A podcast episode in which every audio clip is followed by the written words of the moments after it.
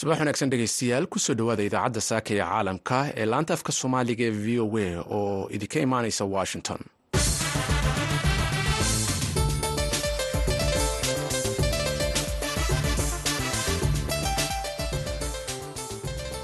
Waa subax axadda bisha januarina ay ku beegan tahay sanadka waxaad naga dhegaysanaysaan mawjadaha gaagaaban hirarka efimada geeska afrika iyo caalamkao dhan oo aad naga dhegaysanaysaan bogga v o a somaly com idaacadda saaka ee caalamka waxaa idinla socodsiinaya anigoo ah jamaal axmed cusmaan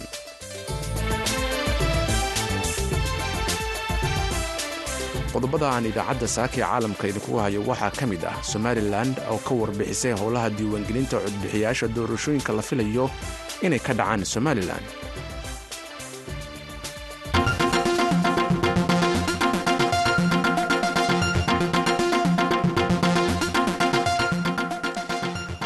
qodobadaasi kuwo kale ayaad dhegeysan doontaan hase yeeshee aan idin akhriyo wararkii ugu waaweynaa ee caalamka.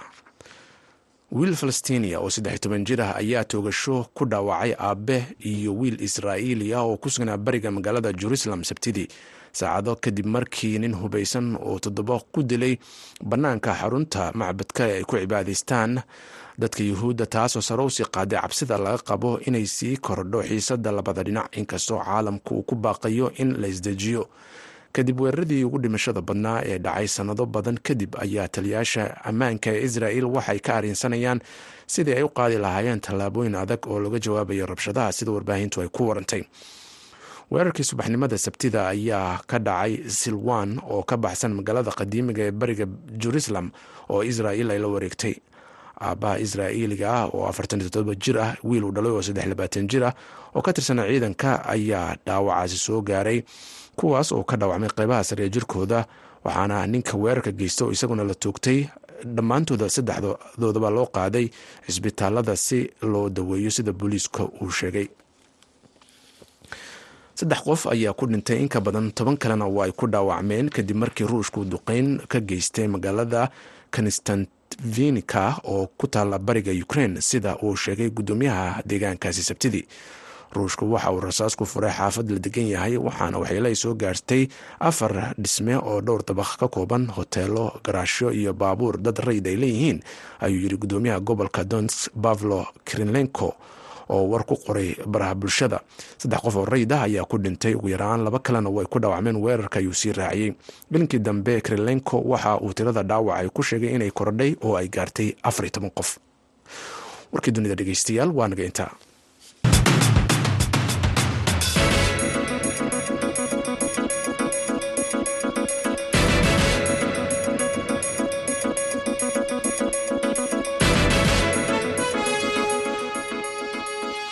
subax wanaagsan markale dhegeystayaal howlaha diiwaangelinta codbixiyaasha doorashooyinka somalilan ayaa si habsamil ay uga socota. Ayaa waxaa la soo gebagabeeyey kuwaas oo bil ka hor bilaabmay oo ka bilaabmay deegaanada somalilan agaasimaha wasaaradda arrimaha gudaha ee somalilan ayaa ka warbixiyey halka ay wax marayaan waxaana uu mahadcelin u jeediyey shacabka iyo ciidamada amniga. Warbixin arrinta la xiriirta waxaa soo dirtay wariyaha v o a sagal mustafa xasan agaasimaha guud ee wasaaradda arrimaha gudaha somalilan maxamed yuusuf ayaa sheegay in si nabadgelyo iyo habsami ay ku dheehan tahay. Ay ku soo dhammaadeen dhammaanba howlihii diiwaangelinta komishanka doorashooyinka somalilan ay ka wadeen gobollada somalilan. Waxaa bil ka hor somalilan ka bilaabmay diiwaangelinta codbixeeyaasha oo si habsami leh oo hufnaan leh runtii oo qurux badan guud ahaan dalka uga wada bilaabmay. Falilaahi alxamdu hayaankaas iyo shaqadaa wanaagsan ee hormuudka ka ahaayeen komishanka doorashooyinka qaranku oo aanu kala shaqaynaynay ka wasaarad arrimo guud ahaan dhinaca nabadgelyada oo ciidamada bilayska somalilan iyo kuwa milatariguba iyo guud ahaan ciidamada kala duwan ee qalabka sidaaba ay qayb ka ahaayeen. Waxa ay si qurux badan oo hufan inoogu soo dhammaatay shalay toole maqribkii sida aa arkayseen komishanka doorashooyinka qaranku ay ku dhawaaqeen qaar ka midi waxa ay si habsami leh oo hufnaan leh oo runtii qurux badan oo nabadgelyo leh ayay somalilan guud ahaan arintaasi uga qabsoontay. Waa tallaabo qurux badan oo horar loo qaaday. Waa tallaabo wanaagsan oo ay ku ammaanan yihiin komishanka doorashooyinka qaranku oo uu ku ammaanan yahay madaxweynaha qaranka jamhuuriyadda somalilan oo hawsha dhaqaalihii iyo imkaaniyaadkii iyo runtii tacabkii guud ahaan ku baxayeyba runtii saamaxay amaba suurtogeliyey oo qarashkaa bixiyey dhanka kale agaasimuhu waxa uu sheegay isagoo ku hadlayaa afka wasiirka wasaaradda arrimaha gudaha somalilan iyo ka wasaaradaba inay u mahadnaqayaan. Cid kasta oo gacan ka geysatay qabsoomidda hawshani diiwaangelinta. Waxaa kaloo iyaguna ku ammaanan cid kasta oo ka qayb qaadatay oo hawshaa qayb laxaadle runtii ku lahayd hadday noqoto shacabka weynaha reer somalilan oo is-abaabulay oo dadka komishinka ka shaqaynayay qayb laxaadle siinayey hadday noqoto xusbiyada mucaaridka ah iyo ururada runtii asxaabta ee imika jirtaba iyaguna si qayble ay qaybta wacyigelinta bulshada inay kaararka qaataan ayaguna ay qayb laxaadle uga naqateen waxaanu ka wasaaradda rama guud ahaan uga mahad celinaynaa guud ahaan ciidamada nabadgelyada ee hawshaa sugaayey noocay doonaan ha noqdaan. Waxaan u mahad celinaynaa shacabka reer somalilan waxaan u mahad celinaynaa qof kasta oo ku lahaa qayb oo runtii hawrtaa ka qayb qaatay shacabka reer somalilan guud ahaanna waxaanu la wadaagaynaa ka wasaaradda arrimaha guud ahaan anoo ku hadlaya afka wasiirka wasaaradda arrimaha gudaha. Runtii maxamed kaahin axmed oo howlo shaqo oo baaxadle qaranka ugu maqan gobollada bariga in ay hawshaasi si nabadgelyo leh oo qurux badan oo runtii ujeeddadii iyo hadafkii iyo midhihii iyo tacabkii laga lahaaba runtii aynu gaadhnay inay si qurux badan inoogu soo dhammaatay. Wejiga wejigaa xigana iyagana ee kaarqaybintana aynu ka sugi doono komishinka doorashooyinka qaranka. Waa guul somalilan u soo hoyatay waa guul si wada jira innagoo gacmaha ishaysanaa runtii aynu uga madhadhelinay insha allaahuna in halkaas aynu si wada jira uga sii qayb qaadanno sida ujeedooyinka iyo hadafyadaynu ka leenahay mid midho dhalo oo aynu gaarno insha allahu dhowaan. Ilaahay ka yeelo. Sagal mustafa xasan nuur v o a hargeysa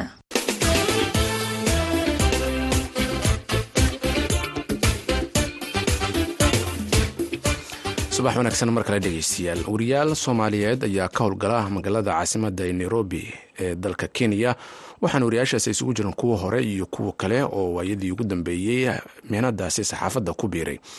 Wariyaha v o a nairobi maryan maxamuud barre ayaa waxay ka wareystay howsha shaqo ee wariyaasha burhaan faarax xasan oo loo yaqaano bi kale oo ka mid ah suxufiyiinta madax bannaan ee degan nairobi. Waxaana uu ka hadlayaa sida ay wariyaasha halkaasi uga howlgalaan iyo iska warqabkooda haa dabcan wariyaasha yaryar dadaalkooday ku xiran tahay. Waana lagu soo dhaweeyaa oo waa las gacan qabtaa waqtiga xaadirka ah.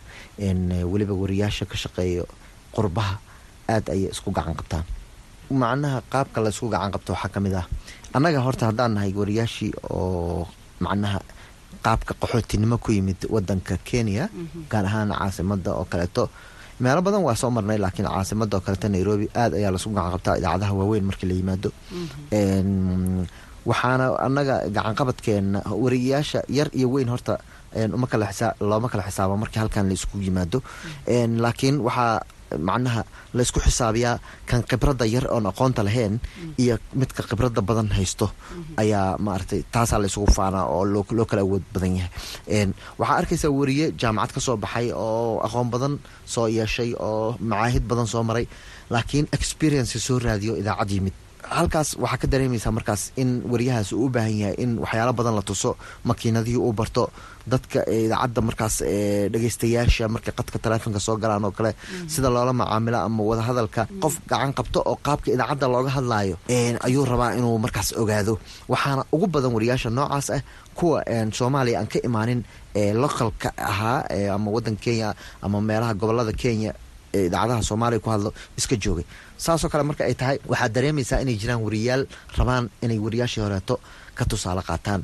Oo wariyaashii xagga ka yimid ayaa markaas macnaha khibradda laga qaadanaya. Hadda annaga waxaan ahayn wariyaashii kiciyey idaacadihii hurday sida idaacadaha north eastern ku yaalo kaleeto kuwa qaxootiga ku yaalo kale annagaa kala kicino tababarka siinay kuwaasoo kaleeto.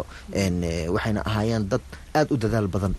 Aqoontoodii way naga aqoon badnaayeen. Aqoontoodii markay ku darsadeen macnaha tifaftirka iyo nidaamkii iyo markay raaceenna waxayba noqdeen dad markaas meelo sarsare gaaray markaa eegto kale waqtiyadaas inta aa u soo joogtay waxaa jira wariyaal sidaa sheegtaba maaragtay wadankan jooga waxbarashadoodu fiican tahay oo saxaafadii aqoonole markay shaqadoon yihiin oo kale caqabadaha ay la kulmaan oo idaacadaha shaqo ka soo raadsadaan oo qofkii akhriska uu soo bogay maaragtay fursadaha shaqo qaabka ay ku helaan oo kale ma fududahay mise way adag tahay in idaacadaha ay ka helaan shaqo waa su'aal fiican runtii su'aal aada u fiican waaye waxyaala badan ay soo xasuustay laakiin duruufaha horey u jireen. Hadda ma u inay jireen inay jiraan ma u malaynayo horey u jiri jireen duruufahaas. Runtii waxaana lagala kulmaa duruufaha dadka shaqada loo raadsanayo. Waxaana ugu badan oo arrimahaas lagala kulmaa dadka oo idaacadaha milkiilayaashooda ah dadka markaas maamulayaasha ka ah xataa oo la soo kireystay oo lacagta fiican qaataan. Dhibaatada ugu badanna waxay imaan kartaa ama ku imaan kartaa qofka asagoo shaqaraadiisa markuu tago idaacadda. Maalinkaas markaas uu daruuftiisa soo bandhiganayo oo qofkii milkiilaha ahaa ama maamulaha ahaa markaas la fariisanayo interview laga qaadayo ayuu meesha duruufo ku tagaya waxaa laga yaabaa hadhowtii maalinkaas duruufaha uu ku yimid inuu hadhowtii wadankii la qabsado qofkii oo sanado badan markuu joogo uu yiraahdo lacagtii maa la ii badiyo amase mushaarka igu yar ama ma laga yeelayo markaas. Sidii uu ku yimid unbuu markaas u shaqaynaya oo maaragtay xaalkii uu ku yimid unbuu ku shaqaynaya wax kordhin male dadaa waxaa looga bilaabaya laba kun. Aniga waxaan xasuustaa anoo sagaal bilood idaacad ka shaqaynayay oo lacag la'aan ah. Oo mar walba la leeyahay anoo horey wax u soo bartay oo og isku kalsoon ayaa haddana waxaa la leeyahay sii wad sii wad tababarka sii wad oo maaragtay sii tababaro arrimaha xuquuqda aad soo hadal qaaday markuu qofku dhibaatooyinka la kulmo oo kale oo ma fahamsan yahay siduu xaqiisa u raadsan lahaa ma helaa cid ka caawiso. Arrintan waa arrin aan mar walba meel walba ka dhicin oo macnaha qaab occasional ay u dhacdaa waxayna ku dhacdaa dadka markaas ee duruufaha ay la soo gudboonaadaan. Dadka milkiilayaasha oo idaacadaha jooga wax ma aragtay uma qasdaan inay dadkaas dhibaateeyaan. Laakiin hadda sidii dhibaatadii ka dhacday soomaaliya oo kaleeto dadka aaday u soo qaxayeen labada kun iyo lixdii labada kun iyo toddobadii ilaa sanadihii ka dambeeyey oo dhan ilaa laba kun iyo tobankii. Marka iska soo dabaqaxaas dadka ay iska soo dabaqaxayeen dad badan ayaa isu soo buuxu dhaafiyey. Wariyaasha codsigoodana aad u soo batay waqtigaas kaasi waxa uu ahaa burhaan faarax xasan oo loo yaqaan biikole wariye ku sugan magaalada nairobi dalka kenya. Maryan maxamuud barre ayuuna u waramayey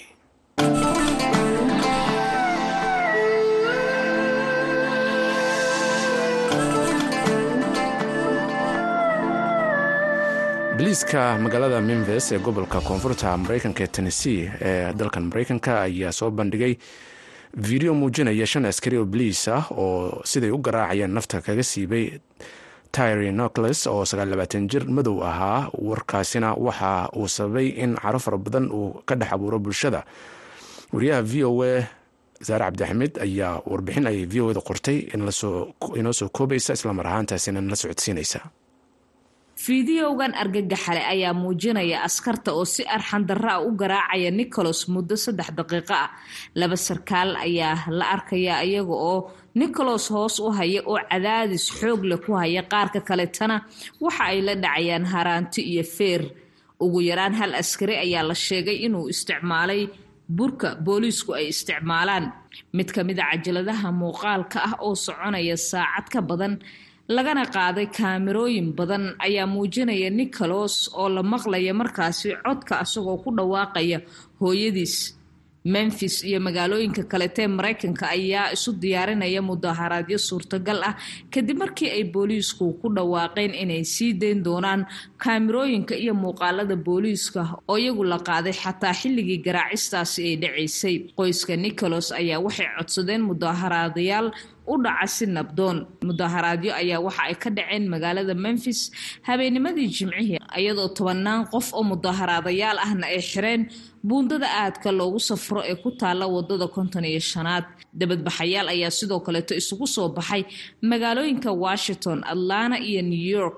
Mana jirto wax war ah oo ka soo baxay oo shaqaaqooyin ah halkaasi.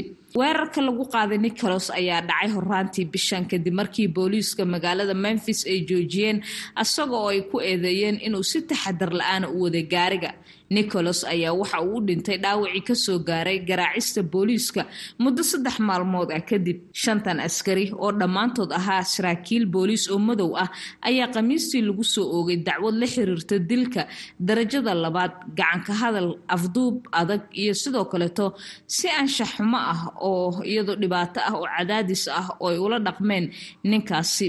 Waxaa la sheegay in dhammaantoodba la ruqseeyo oo shaqadii laga eriyey booliiskaasi isagoo ka hadlayay aqalka cad ee dalka maraykanka.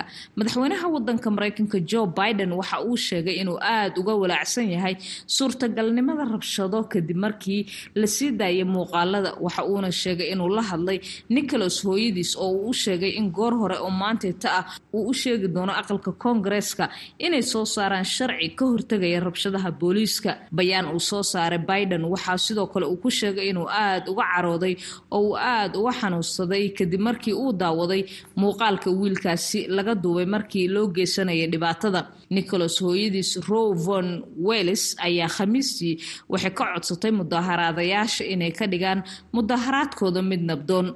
Ma doonayno inaynu gubno magaaladayada oo aan jeexjeexno wadooyinkeenna sababtoo ah taasi ma aha wax ka turjumayso u taagan wiilkayga ayay tiri zaare cabdi axmed ayaa warbixintaasi oo v o eda qortay inala socodsiinaysay. Halkaad ka dhegeysanayseen waa idaacadda saaka ee caalamka ee v o a washington si toos idinkaga imaaneysa.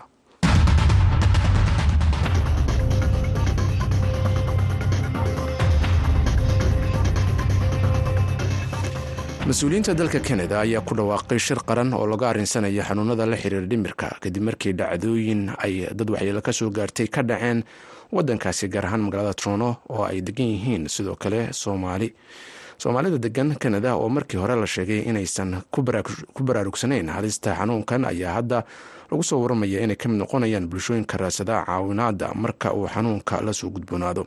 Wariyaha v o a xuseen nuur xaaji ayaa warbixintan soo diray. Duqa magaalada toronto john tory ayaa ku baaqay shir qaran oo looga arinsanayo arrimaha la xiriira cudurrada dhimirka kadib markii rabshado badan ay ka dhaceen magaalada toddobaadyadii la soo dhaafay tory ayaa xilli uu la hadlayay c b waxa uu sheegay inay jiraan dad shaki gelinaya inuu xiriir ka dhexeeyo waxa dhacaya iyo xanuunada dhimirka. Balse wuxuu tilmaamay in isaga uusan shakigaasi ku jirin. Wuxuu yidhi markaad aragto qof qof kale oo uusan aqoon ku tuuraya tareenka si uu u dhibaateeyo ama qof da ah oo lagu dhex tuuraya waddada misena sidaasi ku dhimanaya kan geysanayana uu yahay qof aanan aqoon u lahayn kuwani waa dhacdooyin cadaynaya ayuu yidhi in dadkaasi ay la nool yihiin cudurrada dhimirka. Dhacdooyinka uu tusaalaha u soo qaatay duqa magaalada waa kuwa dhowaan ka dhacay toronto. John tory duqa magaalada toronto ayaa qoraal uu soo saaray ku sheegay in loo baahan yahay in si deg deg ah wax looga qabto arrintan isagoo ra'iisul wasaaraha dalka justin trudeau iyo madaxda gobollada dalka u jeediyey inay isugu yimaadaan shir qaran oo wax looga qabanayo arrintan si loo keeno xal wanaagsan hoda jaamac samatar waxay darajada sare ee p h d ka wadaa jaamacadda toronto. Waxay muddo badan la shaqeynaysaa dadka qaba cudurrada dhimirka.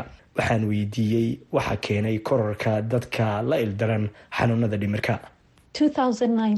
ilaa imika waxaan u aragnay dadka la dhibaateysan caafimaadka dimirka inuu kordhay.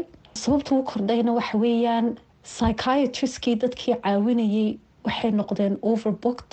Dadku waxay sugayaan muddo lix bilood ilaa sanad inay psychiatrist la hadlaan oo dawooyinkoodii ay helaan covid nineteen siduu u bilaabmayna inta badan dowladdu waxay ka fikiraysay xanuunkan laga yareeyo laakiin maskaxiyan mental illness caafimaadka maskaxda ah awood lama gelin marka waxaa la arkay dadkii shaqaalaha ah nurseskii dadkii caafimaadka u shaqeynayay inay iyaguna la dhibaateysan yihiin caafimaadkan dimirka fasax iyo badan ayay qaateen shaqaalihii oo yaraaday oo nurseskii laga yaabaa ku shaqeyn jiray one level.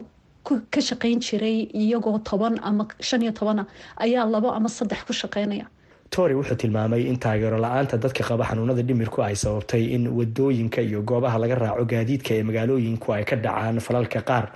Wuxuu intaasi ku daray in arrimahan qaarkood laga dhaxlay xanuunka safmarka ah ee covid john tory wuxuu sheegay in toronto ay isku dayday inay wax ka qabato arrimahan iyadoo abuurtay barnaamijka kahortaga musiibooyinka balse ugu dambeyn wuxuu sheegay in dowladaha gobolka iyo tan federaalku ay mas'uul ka yihiin daryeelka caafimaadka soomaalidu waxay qeyb ka yihiin bulshooyinka degan magaaladan ee qaarkood qaba xanuunada dhimirka. Hooda jaamac ayaa xilli sii horreysay ii sheegtay in wacyiga soomaalida uu hadda sidii hore ka sarreeyo marka laga hadlayo xanuunada dhimirka. Muddo imika labaatan sannadood ayay bulshada soomaalida ee kanada degan ku soo jirtay daraasad ku saabsan caafimaadka dhimirka. Waagii hore waxay u arki jireen wax oo aada u foolxun oo cay ah ama ay ka xishoon jireen inay la wadaagaan qof oo caafimaadka ka shaqeeya ama qof oo social worker ah. Hadda waxaan alxamdulilah aragnay qoysaskii iyo dadkii la dhibaataysnaa caafimaadka dhimirka inay iyagu kula soo xiriirayaan oo ku weydiinayaan su'aalo oo meesha resourceska ka heli karaan ku weydiinaya. Markaas waxaanu aragnay horumar badan oo prevention ah xataa ciyaalkoodii ay tababarayaan ciyaalkoodii ay la sheekeysanayaan. Wixii ka hortegi kara maxay ahayd caafimaadkooda iska ilaalinaya. Marka alxamdulilah horumar badan baanu aragnay. Duqa magaalada toronto wuxuu tilmaamay in qaabka loo wajahayo xanuunada dhimirka uu noqdo mid la mid a sidii la isaga kaashaday covid saddex sano ka hor. Hooda jaamac samatar ayaan mar kale weydiiyey xalka waxa uu noqon karo mar haddii qayladhaanta la xiriirta halista xanuunada dhimirka ay noqotay. Mid heer qarana. Dowladdu waa inay wax ka qabtaan ee awood geliyaan siday u caawin lahaayeen dadka oo caafimaadka dhimirka la dhibaataysan. Waxaa loo baahanya psychiatrist badan inaa la qoro siday dadku waiting listka ku jira siday caawimo u helaan. Waxaa loo baahanya nurses dheeraada inaa la qorto dadkii fasaxyada qaadanayay fasaxyo iminka ma qaadan karaan oo waa loo baahanya cusbitaalada u baahan nurseskan. Duqa magaalada toronto waxyaabaha kale uu soo jeediyey waxaa ka mid ah maalgelin ballaaran oo lagula tacaalo masiibadan. Xuseen nuur xaaji v o a toronto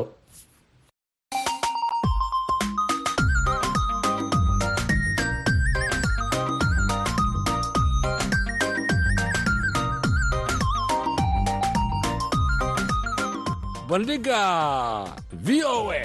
Barnaamijka bandhiga v o a waa barnaamij oo idinku tala gashay laanta af soomaaliga ee v o a. Bandhigga v o a waxaad khamiis walba kaga bogan kartaa qormooyin kala duwan oo la xidhiidha taariikhda iyo aqoonta guud dhaqaalaha sharciga iyo samafalka.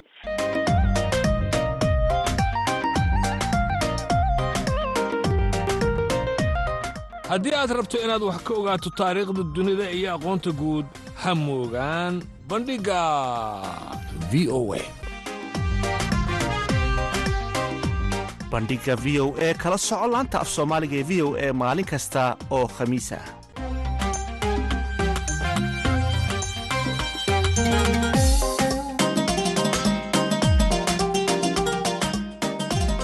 subax wanaagsan dhegeystayaal markana aan idin dulmaro qodobadii wararka ugu waaweynaa ee ciyaaraha haddii aynu ku horeyno dhinaca iyo zeriada dalka talyaaniga waxaa la ciyaaray kulmo ka tirsan horyaalkaasi. Emboli iyo torino ayaa laba iyo labo ku kala tegay halka inter ay guul muhiima ka gaartay naadiga cromonese waxaanay kaga awoodroonatay laba gooli gool. Ciiryan lautaro martinez ayaa labada gool u dhaliyey naadiga kubadda cagta inter milan dhinacayo dalkaasi spain. Naadiga barcelona ayaa sii wadata guulaheedii waxaana ay gool waxba kaga adkaatay naadiga khirona ciyaaryahanka bedri ayaa noqday ciyaaryahankaasi naadiga samata bixiyey una dhaliyey goolka keliya ee ciyaartaasi layska dhaliyay daqiiqadii ko lixdanaad waxaa sidoo kale dhegeystayaal jira in kulamada kedis iyo malorka ay ahaayeen kuwo xiiso badan oo laba gool iyo waxba naadiga kedis ay ku awadronaatay waxaa la dheeli doonaa kulamo kale maanta oo horyaalka laliigaha haddii aynu ku herno rio valladolid. Waxay la dheli doontaa naadiga valencia osasona iyo atletico madrid ayaa wada ciyaari doonaa celta vigo. Waxay la ciyaari doontaa naadiga atletico club. Real madridna waxa ay la dheli doontaa naadiga real sociedad. Horyaalkaasi waxaa hogaaminaya oo kaalinta koowaad ku jira barcelona afartan toddoba dhibcood ay iska leedahay. Real madrid ayaa kaalinta labaad afartan iyo kow iska leh oo kulanka maanta baaqi u ah. Real sociedad soddon iyo sideed ayay iska leedahay sidoo kale horyaalka dalkaasi talyaanigana waxaa naadiga kubadda cagta milan ay la dheli doontaa saswala halka yuventus iyo manza ay dheli doonaan. Lazio fiorentina ayaa la ciyaari doontaa kulanka xiisaha badan ee indhaha lagu hayase waa kulanka napoli iyo rome.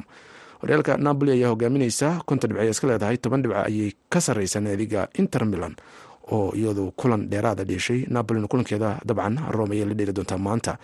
Milan soddon sideed dhibcood ayay iska leedahay oo iyaduna kulankeedii ay maanta la ciyaari doonto naadiga kubadda cagta saswala waxyaabaha ku soo kordha natiijooyinkaasi waan idiin soo gudbin doonaa dhegeystayaal waxaa sidoo kale jira kulamo kale oo xiiso badan oo dhici doona islamar ahaantaasina dalkaasi ingiriiska oo kale haddii aynu eegno. Naadiga kubadda cagta ee horyaalka wadankaasi laga ciyaaro premier league brighton and half albion waxay leli doontaa naadiga liverpool. Juventus ayaa la ciyaari doontaa andhe naadiga kubadda cagta ee brighton and half albion marka ay dheelaan horyaalkaasi ayuu qeyb ka yahay wadankaasi ingiriiska laga ciyaaro. Waa eve cabka stock waxay la dheli doontaa naadiga stevenage halka rexham ay la dheli doontaa naadiga shevel united. Waana kulan ka tirsan eve cabka dalkaasi ingiriiska dhegeystayaal oo warkaasi premier leaga ma ahan kulamo ka tirsan oo maanta dhici doona. Waxyaabaha ku soo kordha waan idiinsoo gudbin doonaa natiijooyinka hase yeeshee dhegeystayaal xubinta ciyaaraha ayaan intaasi ku soo gabagabeynayaa saaka. Markana dhinacii heesaha ayaanu jallaacinay. Heestaasi ayaan idiin soo gudbinaynaa. Fanaaniinta cawaale aadan iyo amin afrig